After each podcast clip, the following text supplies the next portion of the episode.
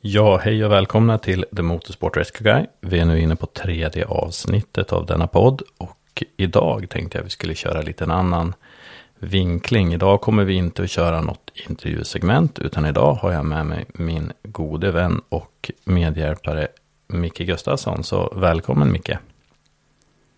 Tackar. Ehm, ja, det här var ju intressant. Jag har ju som vi pratade om tidigare så blir det ju premiär på det här med att ens spela in en podd. Det närmaste jag kommer det är väl ja, liveinspelningar, absolut. Men då har det varit under tävlingssammanhang. Så det här är ju något helt nytt för mig, så det är lite spännande. Ja, nej, men det är kanonbra. Egentligen kan man säga att eh, en av anledningarna till att jag har med dig är för att dels är du väldigt trevlig och eh, kunnig på det du gör. Men sen även det att ett samtal blir alltid lättare än en monolog känner jag att lyssna på. Så att eh, jag tänkte väl helt enkelt att eh, du passar rätt så bra för att eh, du har ju hållit i en mick förut som jag har uppfattat det, va? Eller hur Micke? ja, jo faktiskt. Det har ju blivit några säsonger inom framförallt dragracing eh, som speaker. Från, jag vet inte när vi... Det här är ju så ett bananskal. Någon frågade på en eh, folkrace här i Ljusdal. Men du Micke som kan prata på typ innan utandning jag tror du var speaker på en folkracetävling. Um, ehm, jo, det kan jag väl prova. Och det funkar väl då ganska bra. Och sen har det fortsatt. Jag fick... Eh, eller jag hade väl turen att lära känna Pelle Frickers lite grann, Pelle Hallström. Och då tyckte han att eh, kom ner hit och jobba lite. Men eh, det är 2009 har jag för mig. Det började där nere. Och så har vi... Eh, ja, det har blivit lite grann. Så det är från... Typ, ja, jag har fått erbjudanden men aldrig varit... Jag har hållit mig mellan Sverige. Vi har ju några stycken som jobbar lite norrut och jobbar lite söderut. Men jag har väl haft mellan Sverige som distrikt de senaste tio åren i alla fall på motorsport. 99 procent dragracing och det är, väl, det är väl det största intresset som finns för min del. Och då har man ju snöat in på det. Du vet hur det är. Man snöar in på vissa detaljer och sen blir det ja, man har ju en kunskapsbank som man utnyttjar i det där. Och för dagen så känns det rätt okej. Okay. Vi kanske ska köra ditt artistnamn som måste brukar vara Micke G då. Så kanske de fler känner igen, känner igen namnet och rösten känner de väl definitivt igen. Men det är ju faktiskt så att ska vi hårdra det så du har ju faktiskt varit, ja, ska vi kalla det för utövare, eller du har ju varit co-driver i Street Week, men du har ju även varit eh, team inom dragracingen också. Jo, Eh, det där har jag väl tagit med mig faktiskt. Det är fördelen kan jag säga att jag har sett alla vinklar på just sporten dragracing. Eh, inom motorsporten så har jag nog varit vad. Jag snubblade väl in på dragracing 93. Du pratar om stenåldern. Eh, en, en god vän uppifrån Hälsingland, eller Ljusdal närmare bestämt, Bengt Dyr, tyckte väl att följ med till Orsa. Så var han ljusblå 245 och biltrailer. Fällde ner baksätet, lastade in allt. Vi hade fram, ja, framplatserna var väl lediga. Sen åkte vi till Orsa och tältade. Och så har det fortsatt i olika, ja, olika kategorier. Mm. Snubbla in även på lite rallycross. Var med som mekaniker. Rally såklart. Med tanke på vart man är, eller är uppväxt, så är rally ganska nära till hand. Just Hälsingland har ju varit Hälsingland, Värmland skulle man säga, men det har ju också varit rallynäste. Men ja, det har blivit dragracing. Från, faktiskt från att eh, vi har varit på gatan. Det ska man väl kanske inte, det, det är preskriberat nu, men vi har varit och tävlat på gatan. Och eh, hela vägen, jag har faktiskt stått på startlinjen på Tierp Arena under en EM-tävling och vinkat fram en provstocker. Och det är väl, det är ganska häftigt. eh, vad ska man säga om jag har tänkt mycket på det där just folk strävar hela tiden efter att man ska komma så långt som möjligt i karriären. Men roligheten ökar fasen när inte i kubik. Jag kan säga att det är minst lika kul så som det är idag. Jag brukar hjälpa, ja, hon som jag åkte med på Streetweek andra halv. En, eh, och, och eh, när vi åkte Streetweek, det var ju ett äventyr. Det är ganska slitsamt. 170 mil i en tävlingsbil. Nu, vi trodde ju att vi skulle glassa runt i depån och dricka bubbel på kvällen. Och man kan säga att den... Eh, den tanken sprack väl ganska rejält redan första dagen. Det var inte så att det var mycket skruvning. Vi hade, vi åkte en jävligt bra bil som höll och eh, väldigt... Eh, jag hade nog planerat rätt bra och tänkt ganska mycket och ja, men det kändes bra. Men just det här, alltså 170 mil i ett par sportstolar. Du vet när man ställer sig på skridskor eller på slalomkex första gången på säsongen. Den känslan, fast nu pratar vi om nedre regionen, sätet och eh, lårena. Men jag tänkte säga, den här Street Week-veckan var väl, visst var den rätt så svar och ni hade väl rätt så bra AC i bilen va? oh ja! ja vi, vi, köpte faktiskt en, en termometer, en, sån här, en vanlig eh, Eh, in och utomhustemp. Så hade vi nederdelen i, eller ja, utomhusdelen i taket, 47 grader. Nej, tvärtom. Eh, inomhusdelen i taket, 40, runt 40 grader. Så hade vi nej, den delen som du sticker ut genom fönstret för att mäta ut temperaturen. Den la vi på gardantunneln. Jag kan säga att det var ju inte långt ifrån att man kan steka ägg. Det var fruktansvärt vad varmt var. Och då åkte vi, som folk tyckte, en standardbil. Men du vet, det var ju helt rensat. Den där bilen har de ju, ja, det var ju BMW E34. Alltså du, när man kommer och har Sanningarnas bort dryga 300 kilo i vikt, då finns det inte mycket stoppning kvar någonstans. Jag kan säga. Så det, all värme strålar in i bilen. Så det var, nej, det var ett äventyr. Det var det verkligen. Vi ska väl prata lite mer om Street Week. För er som inte vet vad Street Week är så är det egentligen kan man säga en dragracingtävling där man kör fem banor på fem dagar runt om i Sverige. Och stora här problematiken är att du måste transportera din bil, dina verktyg och förare, mekaniker i, på eller bakom fordonet eh, till de här banorna själv under de här fem dagarna eller sex dagarna som det är. Så att det är eh, rätt så slitigt. Jag har ju tur för jag åker ju runt och har räddningen där så jag har ju AC i min bil och eh, behöver ju generellt sett inte mecka så mycket men jag ser ju vilket enormt slit det är. Men, ja, men jag tycker det är jätteintressant för du har ju lite olika perspektiv. Dels har du varit med under relativt lång tid. Du har sett lite allt möjligt. Du har ju faktiskt haft ett perspektiv som många inte har. Du har ju faktiskt kunnat sitta och, ja, ska vi raljera, du har ju kunnat sitta och titta på. På ett helt annat sätt som speaker. Att du ser kanske vad som händer där på banan och följer med i det på ett litet annat sätt än vad man gör som team. När man kommer fram och gör sitt resultat och sen så sticker man tillbaka till sin depå. Så det, ja. Så, eh, så du har ju sett, du likväl som jag har ju sett några starter inom dragracingen genom åren. Ja, vi brukar ju säga en bra två dagars tävling. Har man snubblat in på ungefär tusen tidkort så har jag sett alla tidkort presteras. Det säger väl en del. Och börjar man summera ihop det, så att man snittar fem tävlingar om år då i nästan tio år. Så helt plötsligt har man ju sett en och annan sak. Och det här tar man ju med sig såklart. Jag tycker det är... Ja, vi satt, vi satt och räknade här i fjol, jag och en kollega, och kom nog fram till att jag hade nog sett i alla fall runt 200 000 dragracingstarter genom åren. Så att man, man, man har ju sett någon bil som har kört lite då och då. Ja, eh, ja nej men eh, jätteintressant. Och som sagt, du är ju hemmahörande i eh, Ljusdalstrakten i Hälsingland. Men du jobbar ju nere i Stockholm vad jag vet i alla fall. Så att där brukar jag ju hitta dig på dagarna när jag pratar med dig. Exakt. Jo, jag jobbar ju som snickare eh, för dagen. Jag har varit runt och jobbat med lite olika, med olika saker ska vi säga. Det är väl sådär rastlöst, något rastlöst där kanske. Jag, är lite, jag tycker om att jag tycker om att jobba. Just nu är jag inne i byggsvängen där jag har dammat tillbaka med jämna mellanrum. Så det, det är bra. Det är lagom fritt. Man sköter sig själv, lägger upp dagarna. Så det är helt okej okay, faktiskt. Så för tillfället så jobbar jag nere i Stockholmstrakten. Och som det är just nu så har ju senaste två åren, då har det passat ganska bra. Eh, man jobbar och eh, från Stockholm till Tjulabanan där framförallt där jag har varit, ja, jag har den som hemmabana för dagen. Det har ju varit nära, det är ju ungefär en timme transport. Så det är smidigt. Ja, men det har väl varit rätt så strategiskt för du har ju Mantorp strax söder om Stockholm och du har Tjura strax eh, väster om Stockholm och du har Tierp strax norr om Stockholm. Så att det blir liksom på något sätt, det blir ju ett litet, ett, en bra utgångspunkt i den aspekten. Absolut, och det är de banorna som jag har varit och jobbat på de sista tre åren, kan man säga. Och det, och det är väl gott nog om man, det tycker jag absolut. Det, det är också ganska kul att ta med sig. Vi ser det här, både du och jag har varit på olika ställen.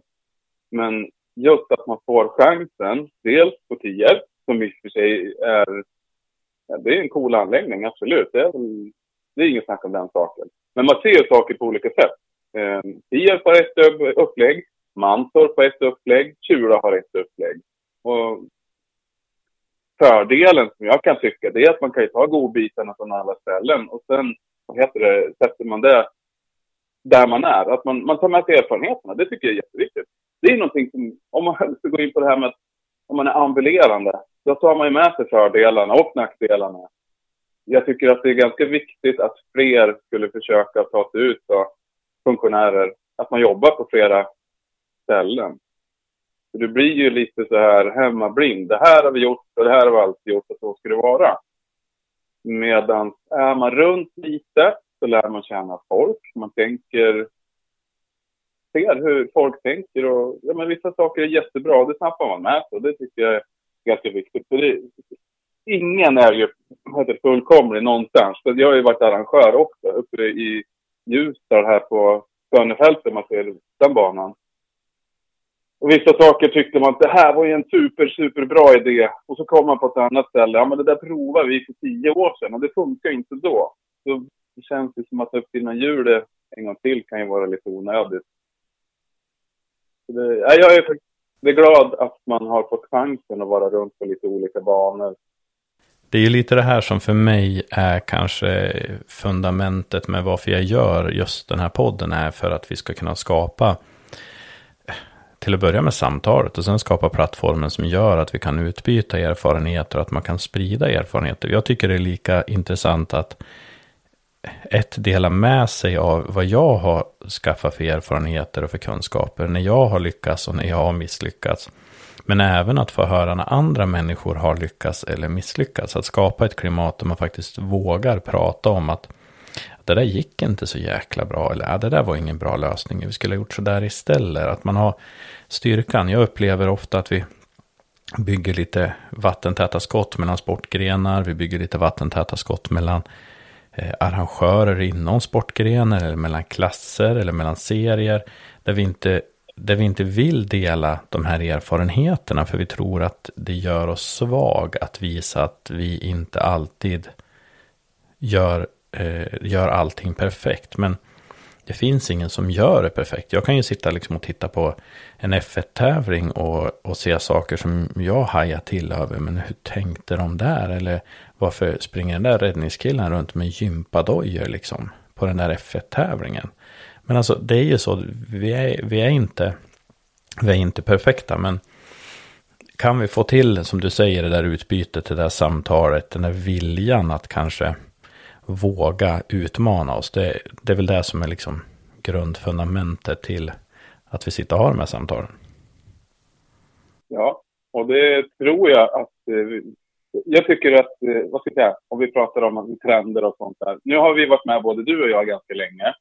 Ehm, jag i alla fall har ju jobbat mestadels Kjula, Ljusdal. Där har, vi, där har jag varit ganska statisk. Men jag ser ju också det här att ett tag då var det så tungt att rodda folk. Folk var rädda för att jobba ideellt hit och dit på många ställen. Alltså det är ju tungjobbat att få tag på bra folk. Nu sista åren måste jag säga att det här har ju ökat. Och om vi går in på det här med, med säkerhetstänket, hur man vill att det ska se ut. Det är så kul att jobba med folk som tänker ungefär åt samma håll. Du får i alla fall har du en åsikt, absolut, så är det ingen som hugger, hugger i ryggen och säger att det där är jättefel. Utan jag tycker att stämningen överlag sista par, tre åren har blivit bättre. Det är roligare att jobba igen. Allt går väl i cykler, så är det.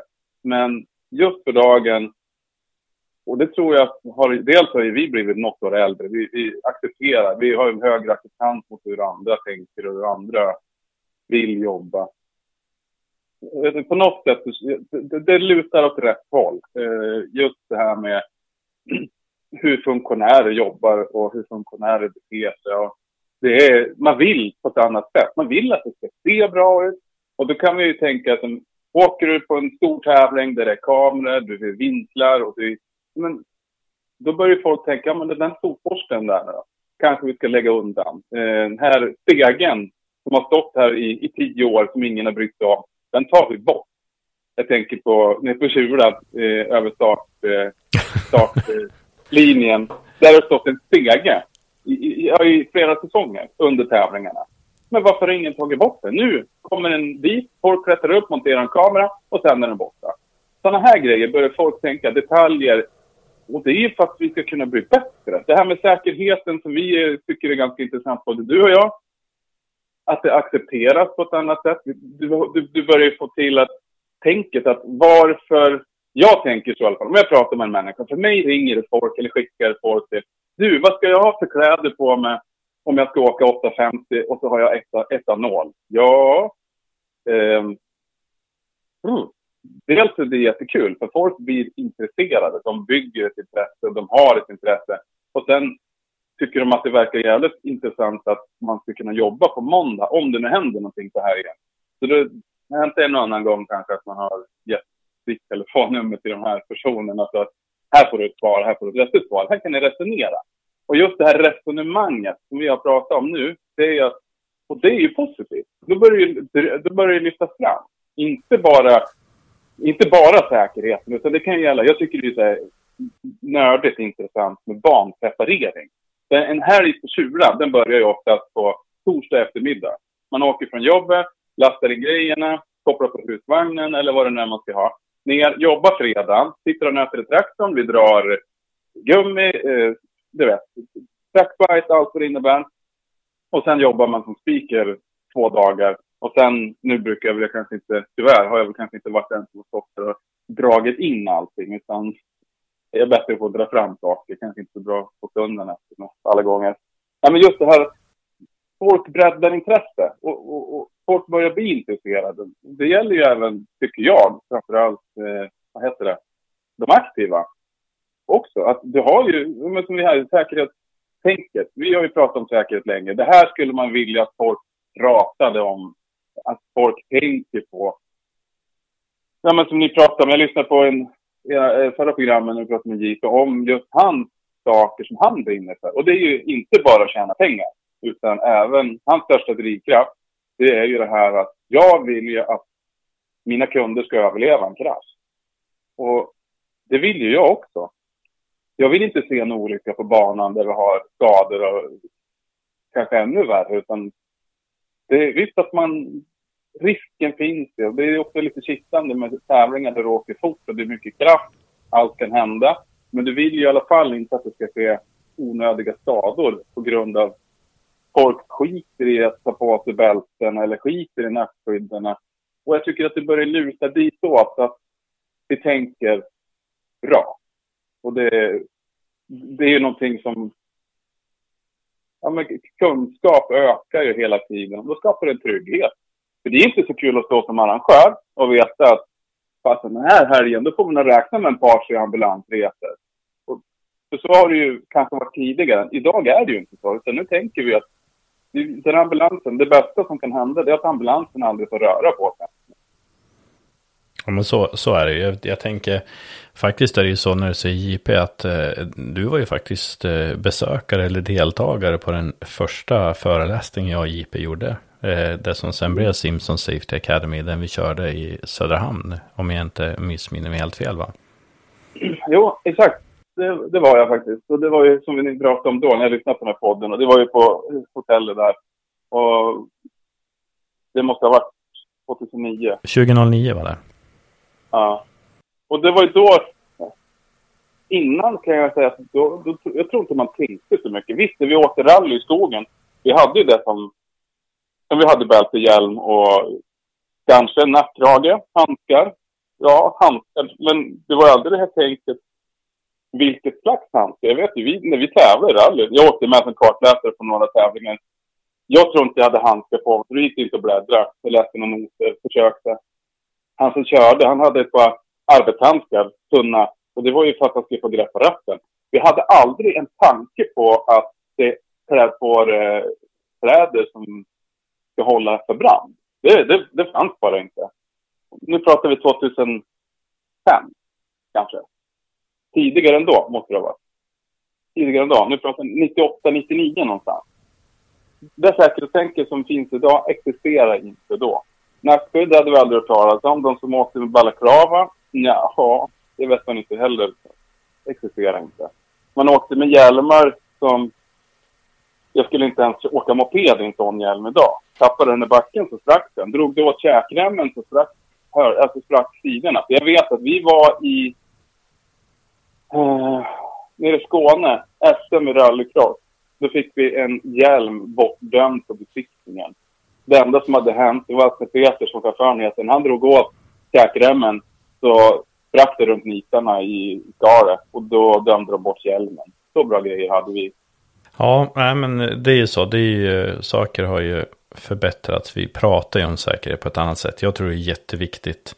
Och det här har väl jag fått lite pisk ibland från lite högerofficiellt håll. Just det här att jag anser att det bästa steget vi kan göra är att utbilda våra aktiva. För då har jag mer utbildade och kunniga individer att prata med. Och då kommer de i sin tur att bli lättare att prata med.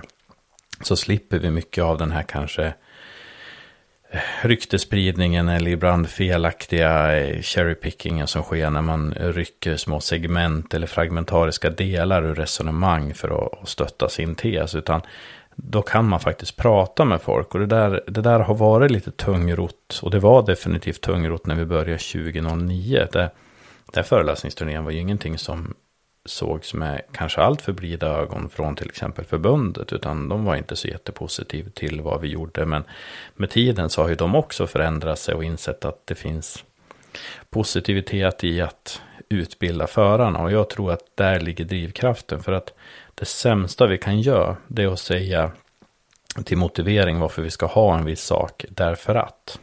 Utan vi ska alltid kunna förklara, eh, försvara eller lägga oss platt om vi upptäcker att det inte blir bra. Vi måste våga ta diskussionen och det upplever jag att där har man inte riktigt varit från officiellt håll att man tar de diskussionerna och då har vi fått dem de konflikter, dispyter och eh, många gånger till och med som resulterar i bråk eller riktiga konflikter. Alltså. Och det, det tycker jag är tråkigt för jag tror att man kan, eller jag vet att man kan reda ut mycket av det här bara genom att våga prata. Jag pratar ju med flertalet aktiva inom olika sportgrenar nästan varje vecka och jag märker ju att Eh, ofta handlar det om brist på information eller brist på hur man ska hitta information. Och jag tror ju att liksom ett förbunds viktigaste roll är ju att utbilda sina aktiva i att förstå varför de ska göra saker. Varför ska jag bygga en säker bil? Varför ska jag köra på ett visst sätt? Varför ska jag ha en viss utrustning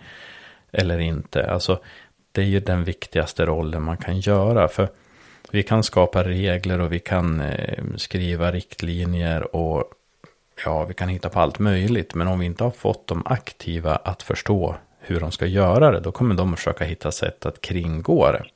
Jag vet ju till exempel, vi har dragracingförare som har kört ända upp till ProMod som besiktade med tjocka handskar de skulle ha med SFI 20-handskar som de lånade av polaren. Och sen körde man med SFI1-handskar för att man ville ha bättre känsla mot ratten. Och då har man ju inte riktigt förstått varför man skulle ha de där tjockare handskarna. Eller kanske hur man måste tänka kring det där och så. Så att det, jag vet inte, ibland, ibland känns det som att diskussion, utbildning och dialog är, liksom, är så fundamentalt. Att våga prata, att våga vara ute på tävlingarna och prata med de aktiva också. Att finnas med dem och inte bara gömma sig in i i det som i slutändan blir liksom ett, ett elfenbenstorn, ett slott där man står innanför murarna och inte riktigt vill prata. Nej, exakt så. Ehm, jag tänker just på det här, en, en enkel förklaring eller vad ska man säga, det här eh, som har varit bland aktiva, som jag tycker är ganska förvånande.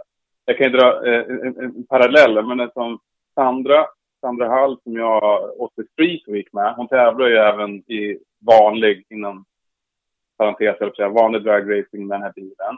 Men hon har ju, det är ju något år sedan, så införskaffade hon ett hybridskydd. Det står ingenstans i regelboken att hon måste ha ett hybridskydd. Nej, utan det räcker med en, en, en, en gammal klassisk nackkrage som man ser ut som grannen i Bäck.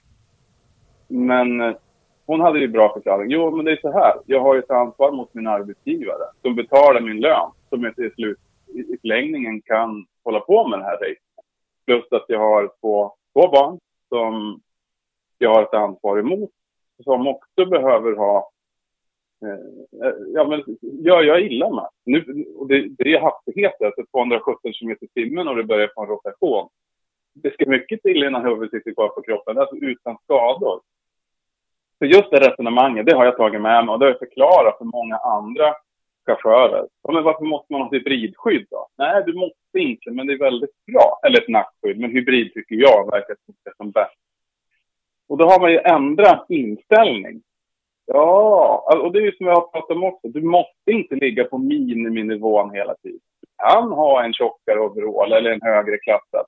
Du, även fast du åker bara 10 sekunder så är det helt okej okay att skaffa ett hybridskydd eller ett nackskydd. Och som du frågar, hur justerar jag in det här? Vilket jag hoppas att den du köper och har lite koll på. Det är inte alltid, men det finns i alla fall möjligheterna. Och, och det, det, är också en sån här grej som jag har tänkt på. Försöker hela tiden. Om du köper ett nackskydd nu, ett hybridskydd. Jag har ju sett det själv. Eh, det var några kompisar till min grabb som hade köpt ett varsitt hybridskydd. Men jag tyckte att hemmarna såg fel. De såg för lång ut. Det, det, det stoppade inte. Så rekommenderade men prata med den här killen. Då var det ju för J-Köping. Det var ju Simpson hybrid. Ja, då fick vi hjälp och de var jättetacksamma till att man, någon hade sett det där och någon hade engagerat sig. Och då är vi där. Kan vi informera? Jag menar, vi är inne i det här. Vi ser vissa saker. Jag är inte alls lika kunnig som du, men jag har kontakten så jag kan sprida ordet vidare om inte annat. Och då, då bygger vi en, en aktiv säkerhet också. Det är inte, men att det ska ju vara roligt. Det ska, det, det ska inte vara den här negativa stämpeln. Ja, men vad tusan, sånt där skit ska man inte hålla på med. Utan det där, det är ju bara, åh, det, det behöver man inte ha. Jo, men tänker vi tvärtom. Det här är jättebra. Vi sätter i andra situationer. Ett annat exempel som jag faktiskt har diskuterat med mer än en, det är det här med du tycker att det kan vara mycket pengar att investera i ett nackskydd. Låt säga att det kostar 6 000 kronor. Jag har inte facit på det idag. Ehm, um, sök, kolla med arbetsgivaren. Om han eller, han eller hon är intresserad av att hjälpa till. Det kan handla om en sponsorgrej, det kan handla om att ta en halva fakturan, vad som helst. Man behöver ju inte basera sig blind på utgiften, utan i, i förlängningen så handlar det om att då kan du komma tillbaka, du kan fortsätta jobba mycket tidigare än, än om du inte hade haft det här. Och det är väl en ganska bra förklaring om du vill fråga chefen för spons, kan jag tänka då. Ja, men definitivt. Nej, men det låter, det låter klokt och vettigt. Och det är, det är de här tankarna jag vill någonstans att folk ska börja tänka. För jag tror helt enkelt det bara handlar om att vi måste våga prata. Vi måste våga ja, skapa samtalen, plattformarna för att kunna prata. Och man måste veta att man kan vända sig till någon när man har när man har de här frågorna. För många har frågor, sen kanske inte alla vågar ställa frågorna. Nej, precis avbryter jag lite grann. Det tycker jag kan vara kul. Man ska inte avbryta. Men det är också en sån här grej. Folk frågar ju mig. jag, jag kanske har mycket kontakter. Och då rekommenderar jag, många frågare pratar med mig, just det här med säkerhet. Ja, så jag, jag kan inte det där. Men jag vet ju vem som har skrivit regelboken. Typ. Och, och det är många gånger i många klasser så har, då har det ju faktiskt varit du som har varit involverad. Under Street bland annat under flera av de tankarna och sättet runt Tjura och även i andra sportgrenar. Så det är också en sån här grej. Och då, jag, jag känner ju dig och har gjort det ganska många år. Men jag är fortfarande nyfiken. Den där frågan fick jag. Vem är Rickard? Ja, men det är han som sitter där borta. Så, ja, men, men vem är Rickard? Det är också en sån här grej. Vi pratar om poddar hit och dit. Du pratar med andra och pratar om, om andra. Men eh, vem är, vem är Rickard? Vad är det som gör att han är den han är? Det absolut mest komiska var att jag skulle vara med i Motorsoffan som var en webb-tv-sändning som Nitros hade förut. Och då skulle de ha en pressbild att lägga in och jag skämtade lite och skickade över en bild när jag hade på mig en hjälm. Och då var det en av dem, som, Henrik Modig, som du kan inte skicka en bild när du har hjälm på dig. Då är det ingen som känner igen det. Då hör man Lelle Olsson i bakgrunden. Det är fler som känner igen honom då. Så att det, det, det, det, det kanske är lite så ibland. Nej men, eh, nej men alltså, vem är jag? Jag är ju, jag är ju den räddningskillen och det är väl så de flesta känner mig egentligen. Eh, jag har ju liksom, jag har ju aldrig gjort något annat än, än räddning och säkerhet. Det är det, eh, jag har ju passat på att vara lite team och sådär och hoppa in och så, men det, det har alltid varit min drivkraft med räddningen. Min, min grund är ju egentligen att jag har inte så jättestort motorsportintresse. Det, det är lite chockerande, det där behöver ni inte skriva stora rubriker om, men jag är ju uppväxt på landsbygden och har ett, haft ett stort motorintresse. Och eh, när jag skulle göra lumpen så var jag tävlingscyklist på den tiden och skulle in på idrottsplutonerna som fanns då. Men tyvärr så lades ju idrottsplutonerna ner och jag fick mitt andrahandsval som visade sig vara civilpliktig räddningsman, vilket var egentligen kan man säga en, en militär eh, brandmannautbildning. Då vart jag hokad på det här. Så att eh, jag fastnade riktigt för det här med, med räddning. Och i samma veva så hade jag gjort min praktik på en eh, räddningstjänst i Sundsvall. Eh, Sundsvall och Timrå, som det hette på den tiden. Och de hade sålt en reservbil till SRA Sundsvall. Så en dag när jag är på väg hem till min mor och far så passerar jag deras granne som råkar vara kassör i dragracingklubben. Och där står denna brandbil. Så eh, står det en stor brandbil hos grannen måste man ju stanna, så är det ju bara. Och då fick jag frågan om jag kunde kanske hjälpa till i och med att jag kunde lite om bilen. Och sen var ju jag, sen var jag med och hjälpte till en tävling. Och sen var jag till och hjälpte till nästa tävling. Först vårtävlingen och sen hösttävlingen.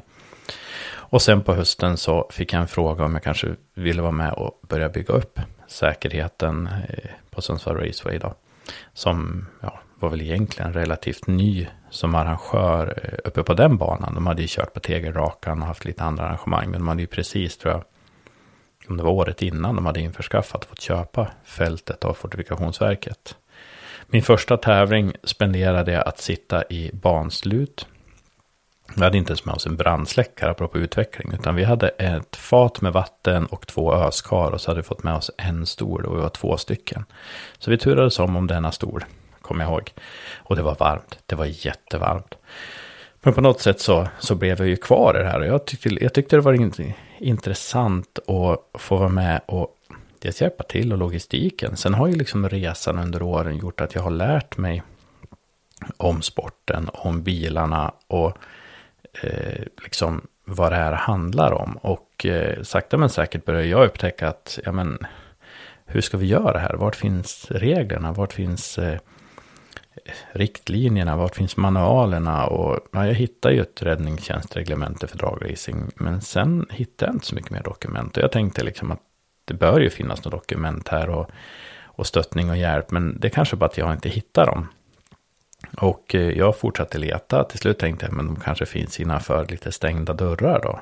Och då lyckades jag ju ta mig innanför de där stängda dörrarna i förbundet. Men där fanns det ju inte heller några dokument. Och till slut tänkte jag, men de kanske ligger lite undangömda. Man måste lära sig det hemliga handskaket eller hemliga knackningen.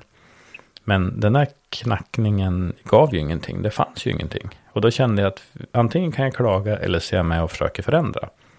Så jag började göra lite skrivelser och lite förslag och idéer. Och vissa saker fick man väl igenom. Men jag kände väl kanske att det fanns en viss form av Eh, ett viss form av motstånd till att göra särskilt mycket. Men jag drev på ändå, för jag vet inte, det bara, det bara blev så. Och så den här resan fortsatte ju och sen så började jag komma in lite andra sportgrenar. Jag var på någon backtävling och hamnade på någon rally och såg att wow, det finns ju andra sportgrenar, man gör det på andra sätt. Och sen har ju den här resan fortsatt. Sen kom väl jag till en nivå 2009 då jag kände att jag ville, jag ville mer än vad min klubb ville. Jag ville ut och se andra saker. Jag ville få förändra och eh, få vara med och göra något lite större. Så då var det helt enkelt att jag klev av klubben och började jobba fristående. Och eh, den ungdomliga ivern som uppstår när man kanske inte är, alltså när man, när man är yngre och har väldigt mycket eh, driv och kanske inte alltid 100% eftertänksamhet. Eh, skulle jag gjort idag kanske man hade gjort det på lite andra sätt. Men jag ångrar inte att jag, att jag gjorde det. Och nu är vi framme liksom 2009 och det var ju då föreläsningarna började med mig och JP. Där jag kände liksom att jag vill förändra. Vi hade en gemensam bekant som hamnade i rullstol på grund av en felaktigt byggd bil och en oturlig olycka. Då. Och då kände vi liksom att ja, men, vi har kunskap. Jag kan prata säkerhet, JP kan prata skyddsutrustningen. Eh, vi ser ur två olika vinklar. Vi gör någonting. Så jag tog ju min egen plånbok och betalade hotellrummet och JP betalade soppan. Och sen så åkte vi och föreläste för 400 stycken från Malmö i söder till Luleå i norr under den vintern på eh, det var ju lite pusslande med, med schema på jobbet och man fick eh, ta någon semesterdag och jag jobbar ju skift så att det var ju och pussla runt och åka runt på sina fridagar och göra de här grejerna. Och väldigt mycket av de saker jag har gjort har jag haft, så att säga, har ju aldrig funnits en drivkraft att tjäna pengar. Det är liksom, skulle jag blivit rik så kanske jag hellre skulle ha varit och börjat på McDonalds eller någonting än att hålla på med det här kan man väl känna. Men det har funnits någon form av drivkraft om att göra någonting, någonting bättre helt enkelt. Så det, det är väl liksom själva drivkraften där bakom. Jag får ju en fråga i skallen sådär, men vad var, vad, vad var det, alltså själva språngbrädan? För vi kan ju jämföra, alltså vårt ursprung, vi har provat med ena med tredje hamna där vi är. Men vad var det som gjorde att du tog, vad var språngbrädan? Alltså från att du stod i barnslut i Sundsvall, där du började. Och sen Äh, alltså det blir både språngbrädan. Är det drivkraften som har gjort att du är där du är idag? Alltså, förstår du hur jag tänker? Ja, ja jo, men jag tror jag, tror jag förstår hur, hur, vad du är ute efter för, för frågeställning. Men, ja, men absolut, men jag är, väl, jag är en sån människa som alltid har, jag har alltid velat någonting. Jag har, eh, jag höll på med tävlingscykling och jag har Eh, ja, men jag har haft ett driv att göra saker. Jag har alltid jag har pluggat mycket och jag har eh, jag bygger mitt eget hus och mitt eget garage. Och jag, ja, men, jag älskar att skapa saker. Jag älskar liksom att göra saker. Jag är inte, jag är inte den här människan som sätter mig och spelar tv-spel till exempel. Utan jag måste få, få göra saker. Sen om jag skapar saker med händerna eller om jag skapar saker i mitt huvud eller vad jag än skapar så är det liksom handlar om, om den drivkraften. Sen har jag alltid nog haft en drivkraft av att hjälpa människor i vad, vad jag än har gjort. Och det här var väl egentligen den perfekta mixen, för jag kände det när jag kom in på och gjorde lumpen då, att antingen så kan jag försöka ta mig igenom det här så skonsamt som möjligt och ta mig härifrån, eller så kan jag göra det så bra som jag bara kan. Jag gick ut med högsta vitsord efter min tid på, på räddningsskolan och kände ju liksom att det var ju jätte, alltså det är ju en otrolig känsla. Det är ju en otroligt, ska vi säga, egoistisk känsla att hjälpa andra människor. Man brukar väl säga det, att det är väl egentligen en av de sanna glädjen, glä, liksom sanna glädjekänslor man kan ha, det när man har hjälpt någon. Och här fick jag liksom en möjlighet att, dels inom räddningstjänsten har du en möjlighet att hjälpa folk, men här fick jag en möjlighet att kanske hjälpa dem både före, under och efter. Inom räddningstjänsten är ju väldigt mycket att du hjälper dem när det, har, när det har gått snett, när det är för sent. Men här nu kunde jag få en möjlighet att kanske påverka föraren och ha bra utrustning, banan och få ett bra system, eh, bra räcken, eh, logistik, vilket innebar att vi kanske kunde till och med förebygga olyckorna. Och jag är väl en sån här människa som, jag älskar ju, alltså, eh, jag älskar att läsa, jag älskar, eh, mycket jag älskar nu förresten. Eh, nej men jag drivs av det organisatoriska. Jag tycker ju faktiskt sånt här som regler och lagar och hur man tolkar dem. Och jag tycker sånt är jätteintressant att förstå hela systemet. Och det här gav mig ju med förutsättning för racingen, dragracingen, driftingen, time attack, vad det än är. Det är ju som ett, mikro, det är som ett mikrouniversum, det är som ett mikrosamhälle där var möjligheten att påverka de här dokumenten, påverka hur vi får det att fungera. Och jag vet ju i slutändan, eh, jag har ju några sådana här käpphästar jag är nöjd över. Till exempel uppe i Östersund när vi körde STCC där så var jag och det var väldigt sent på kvällen, det hade varit någon driftinguppvisning och klockan var ju nästan, den var framme över midnatt. Och jag hade lovat en förare att jag skulle komma och justera och låsa hans bälten för de var olåsta. Och jag går och eh, låser den här förarens bälten. Och väldigt sent och känner att äh, jag skulle egentligen gått och lagt mig nu. Dagen efter åker han ut i sitt första race och totalskrotar bilen. Och då, känns, då, är det, då är känslan rätt så skönt att man gick dit och faktiskt låste hans bälten.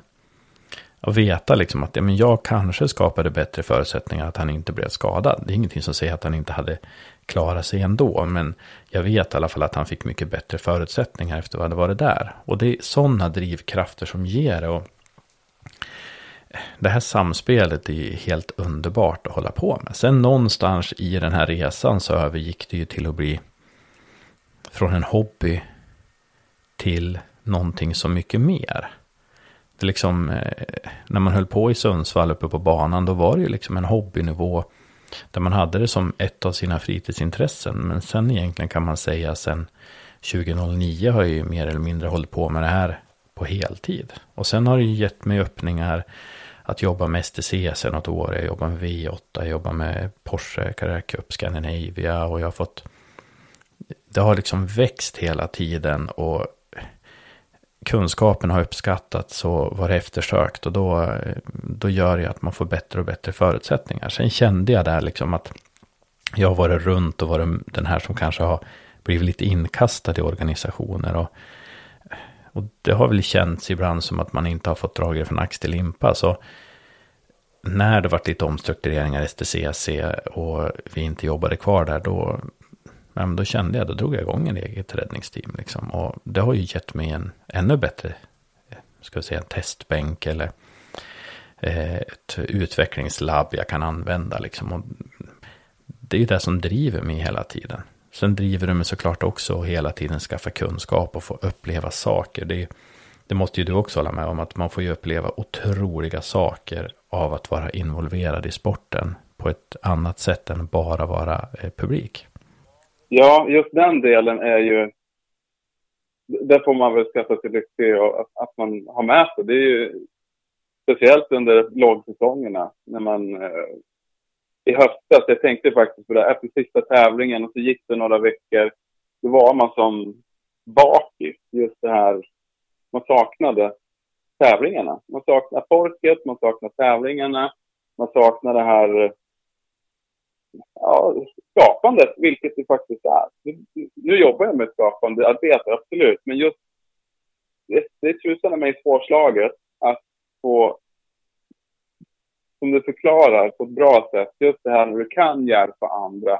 Folk har ju ifrågasatt, men varför kör du aldrig själv? Dels så har jag inte, jag har inte plånboken att kunna köra.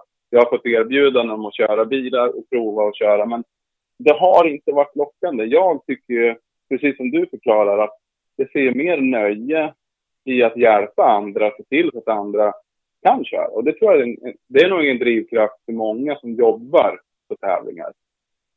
Sen att kanske både du och jag har tagit ett litet steg till så att vi är på fler ställen än, än bara på den lokala, det lokala stället som man säger. Det är inte så många som gör. Men jag tänker också, som, du har ju jobbat na nationellt. Jag vet att du varit i Norge och jag vet att du varit i Finland och lite sådana. Men jag vet ju även att du var ju snubblande nära att eh, börja internationellt på ganska hög nivå. Och, och sen tänker jag, kommer du att fortsätta sträva? Och vill du jobba? Skulle du vilja komma ut i Europa och jobba eller i världen eller vad som helst? Jag, jag skulle vilja, jag har ju en egen liten så här som speaker så jag har ju varit på EM-tävling och EM körs ju runt i Europa. Jag skulle ju inte tacka nej om någon ringer från Santa Fog kanske. Nu är inte engelskan supervass, men det skulle ju varit fantastiskt roligt att komma ut internationellt och se hur det är att jobba. Ja, men så, så är det. För mig så har det ju handlat om att eh, det var ju faktiskt så. I fjol hade jag en, eh, ja, vi höll ju till och med på att planera. Jag skulle ju föreläsa, vara en av gästföreläsarna på ett mindre säkerhetsseminarium som skulle ske i anslutning till Australiens Grand Prix. Och mitt, eh, mitt, eh, min motprestation som krav var ju att eh, då måste jag ju få vara med och jobba på tävlingen. Men då började de ju vackla lite innan hur det skulle bli. För det hade ju börjat sprida sig något litet virus i samhället. Och sen var det väl tur där, för den tävlingen ställdes ju helt enkelt in precis innan start. Allting var ju riggat, folk var där, men man bröt ju. Så att absolut. Mm.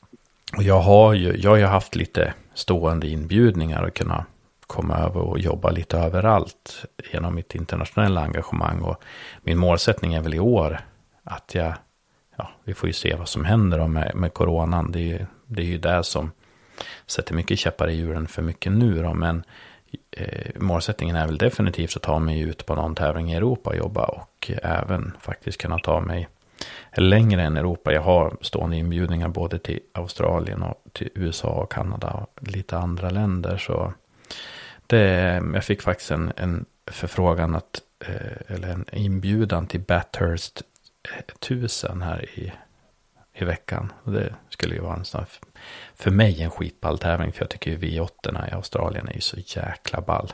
Det är ju så, det är ju sinnessjuk racing. Så att, nej men, eh, men för mig innebar det, för att jag kände ju någonstans där 20, ja, 2009, 2010, liksom att jag hade ju dränerat ut. Jag hade ju liksom sökt efter all kunskap. Jag hade ju liksom pressat alla människor som hade kunskap. Jag kunde inte liksom hitta mer i landet. Och hade ju turen att träffa en, eh, Eh, en man som heter Patrick Lynch som jobbade på Tjockdoktor då, då som hade idjekt bland annat, den här som sitter i hjälmen för att ha hjälm då.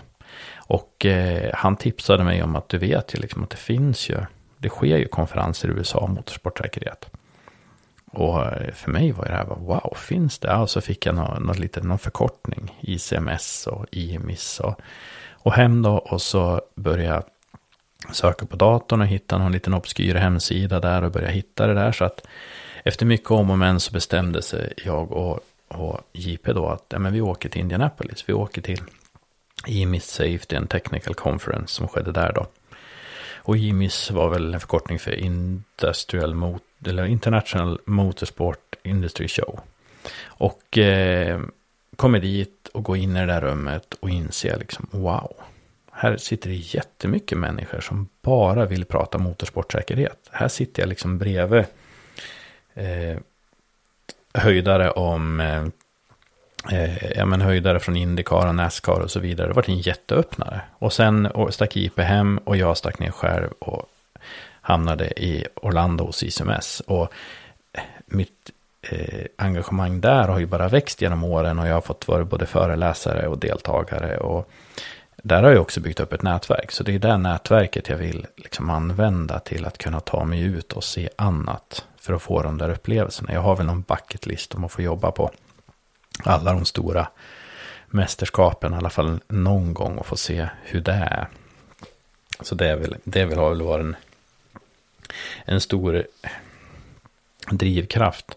Sen tror jag också drivkraften är ju det att jag jobbar ju, ja, till vardags är ju jag brandman och styrkeledare och räddningsledare och på, inom räddningstjänsten. Och det här ger ju mig förutsättningarna att få, få mixa mitt yrke sen 15 år tillbaka med min, det som faktiskt har blivit min bisyssla då. Mitt också mitt yrke, motorsporträddningen. Så det, det är otroligt eh, intressant. Men, och det är väl någonstans det här det känns som att det är väl de här upplevelserna, det vi pratar om nu, som jag vill på något sätt mala ner och pressa ner i någon form av content eller innehåll som man kan använda i podden som en bas för att ha bra samtal. Jag vill ha intressanta gäster, absolut. Jag tror det är jätteviktigt att vi får se vilka aspekter säkerheten kan ses ifrån. Oavsett om det är banägare, promotor, tävlande, chassibyggare, leverantör av skyddsutrustning, räddning, sjukvård.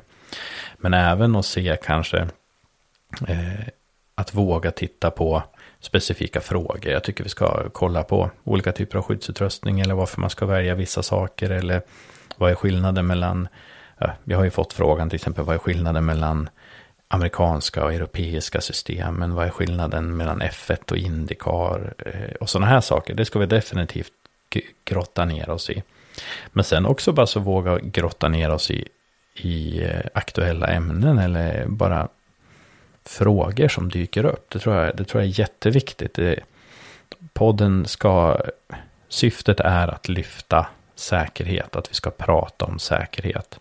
Och min idé är att vi, jag pratar om säkerhet med intressanta gäster och eh, eh, intressanta individer och personer i den här podden. För att sen så vill folk fortsätta prata om säkerhet hemma på, i garaget, klubblokalen, eh, tävlingen, i bilen, vart man än är, i bussen eller lastbilen på väg till tävlingen. Jag vill att säkerhet ska vara någonting vi pratar om lika naturligt som motortrimning eller andra aspekter i motorsporten.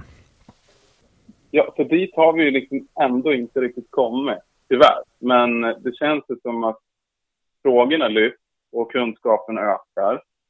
Och då, då lyfter man ju också tabut lite grann på det här. Då blir det ju inte så, vad ska man säga, det är så okunskap. Då blir det ju lätt lite rädsla om saker, hur det funkar och ena med tredje. Men jag tycker att det är bra. Jag tänker också en annan grej. Just det här med, som du säger, intressanta gäster, frågeställningar. Eh, hur, jag menar, idag, vad jag förstått eller vad jag vet, så ni har ju officiella organ, tänkte ni kör ju mycket, vad heter det, eh, sociala nät, sociala medier.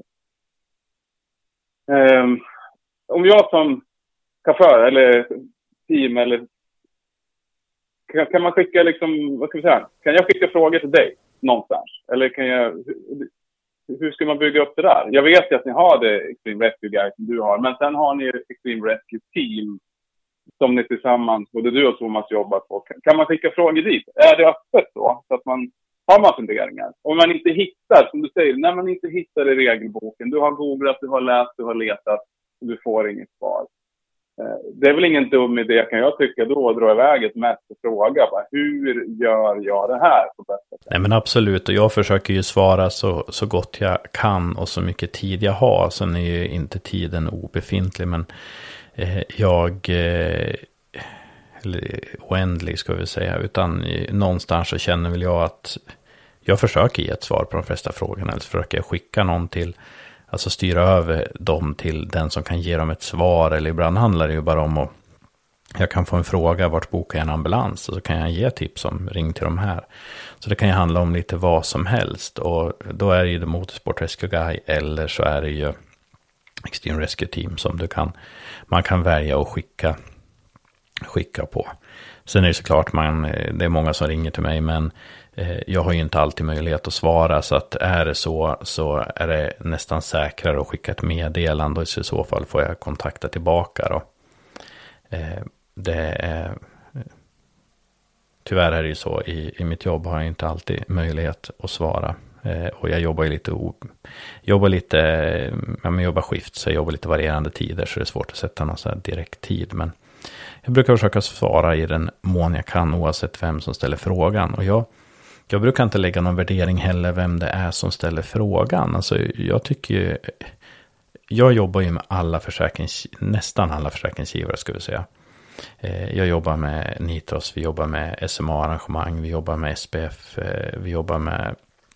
Men för mig är det irrelevant vilken flagga som sitter på arrangemanget eller som sitter på, på den organisationen. För mig är det intressant att man vill jobba med säkerhet. Att man vill driva de här frågorna. Och det handlar inte alltid om att man ska göra det så svårt och hårt som möjligt. Utan det handlar om att man ska man har en vilja att våga prata om de här frågorna. För det där jag tror är den största faran vi har idag. Det är att vi inte vågar prata om saker. För man är så rädd att kliva någon på tårna. Man är så rädd att vara obekväm. Man är så rädd att man ska bli klassad som extrem för sin åsikt. Jag tror vi måste våga prata. Vi har ett samhälle idag då då är det väldigt snabbt, det blir väldigt snabbt polariserat. Och jag tror att vi ska inte försöka ha det i motorsporten, vi ska våga prata öppet.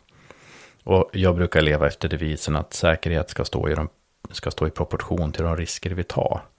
Och det innebär ju att vi måste våga inse att i vissa sportgrenar kanske vi måste ha mer säkerhet och i vissa så kan vi ha lite lägre säkerhet. Men det måste alltid finnas en röd tråd. Jag tjatar alltid om den röda tråden. Och där känner jag någonstans att det, det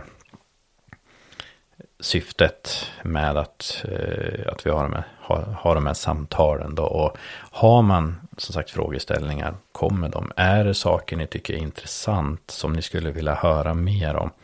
Dra ett meddelande. Eh, vet ni av någon som skulle vara intressanta gäster och så, så skicka ett meddelande. Det är inte säkert att den individen kommer att tacka ja. Det är inte säkert att det är den individen vi kommer att ha i programmet, men det kan ge ett, det kan ge ett inslag eller ett uppslag för mig om vad jag ska lägga i kommande program. Sen är det ju så att jag vill att det här ska vara för alla sportgrenar. Så jag kommer inte att göra fem avsnitt på raken om dragracing, utan vi ska försöka variera mellan de olika sportgrenarna så att intresset finns där. Sen tror jag att det är jätteintressant att höra hur en förare av en av de värsta dragracingbilarna ställer sig, tror jag även kan vara intressant för en, eh, en racingförare eller en rallyförare. Men jag tror också det är jätteintressant att förstå hur en rallyförare i de snabbaste klasserna vågar. Hur tänker den när den ändå kör på de vägar de kör i de hastigheterna? Tror jag även kan vara intressant för de som håller på med andra sportgrenar. Absolut. Jo, det där är också sånt som man tänker. Eh, jag tänker även där, jag har ju en drömgäst, eller två egentligen. Om att det, jag skulle vilja höra eh, skillnaden just på tänket. Ta som exempel eh, som VM-rallyt, VRC. Eh, Oliver Solberg, 19 år, går in och gör otroliga prestationer i mina ögon. Han har ju en ganska schysst mentor i Petter, sin far.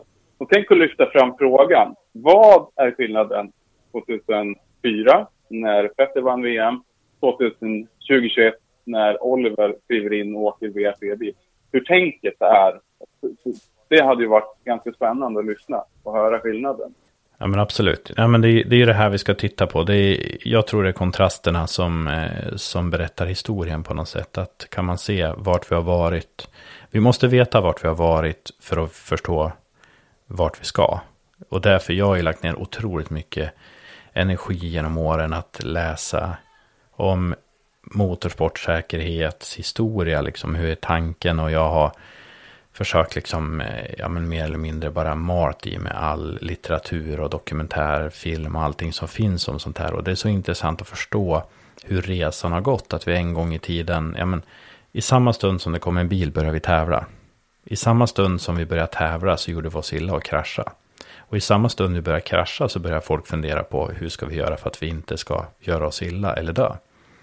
Och då började resan till motorsportsäkerheten. Sen har ju den skett i olika drivkrafter genom åren eller olika tempon och det har funnits olika faktorer som har styrt det. Men någonstans måste vi förstå vart vi har varit för att förstå vart vi ska. Där tror jag de här eh, sådana jämförelser kan vara jätteintressant. Ja men titta på Grupp B-rally från eh, 80-talet och liksom när publiken jag menar alltså, mer eller mindre omringar bilarna när de kommer i kurvorna. Det står liksom, det står hundratals, tusentals ytterkurvor. Och liksom, det är helt otänkbart idag. Idag skulle ju, skulle ju Fia bryta sträckan om man såg tendens till det. Det flygs över med helikoptrar och det körs för bilar. Och det är ett enormt arbete med det. Så vi har, resan har ju gått någonstans. Och kan vi förstå den, då förstår vi också vart vi är på väg. Absolut, det är det så. Och jag hoppas ju att vi är på väg till ett bättre tänk överlag. Och det känns ju även som att med sådana här medier så finns det en möjlighet till det. Eh, jag tycker också att det är ganska intressant, det har blivit mer och mer intressant att eh, när man tänker, hur, hur, man ska, jag vet inte hur man ska lägga fram det riktigt, men vi var inne på spåret tidigare, just det här att tänket börjar ju växa fram, eller det har ju vuxit fram under en ganska lång tid.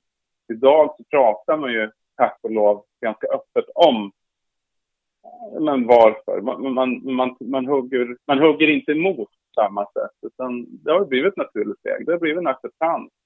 Så här säger regelboken. Ja, men kan man dra det lite till? Ungefär som du trimmar en bil.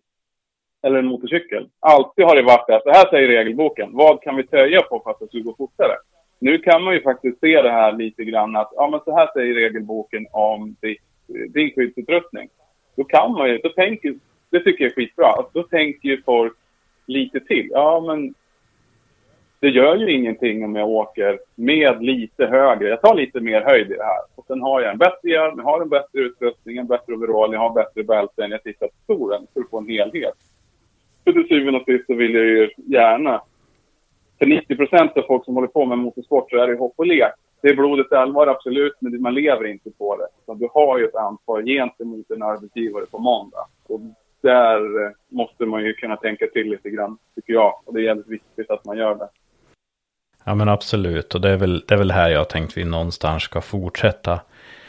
Eh, fortsätta samtalet om och nu har vi väl haft ett, eh, ska vi säga ett litet inledande samtal där vi kanske fått möjligheten att på ett tydligare sätt förklara vad, vi, vad jag vill göra med den här podden. Så att eh, jag får tacka dig mycket för att du tog den här tiden och eh, nu kommer ju du att vara ett, ett stående inslag så du kommer att dyka upp lite då och då. Så att eh, vi kommer säkert att ha hundra andra intressanta saker att prata om i framtiden också. Så, eh, men som sagt, eh, jag får tacka för att ni har lyssnat på tredje avsnittet av The Motorsport Rescue Guy. Nästa avsnitt så kommer det att vara ännu en intervju faktiskt med en intressant gäst. Men det får ni vänta och se när vi släpper det avsnittet. Och som sagt, har ni frågor eller funderingar så gå in på The Motorsport Rescue Guy och skicka dem. Eh, är det så att eh, ni inte har passat på att prenumerera så gör det så ni inte bommar nästa avsnitt. Och eh, jag måste ju för första rikta ett stort tack till alla som har lyssnat. Det är faktiskt lite överväldigande hur många som har lyssnat. Jag trodde inte att det skulle vara så många, men eh, tusen tack. Och eh, jag skulle väl egentligen bara vilja säga att eh, tack för den här veckan och eh, tack Micke. Ja, tack själv faktiskt. Det här var intressant. Som sagt, ta det säkert så hörs vi nästa vecka.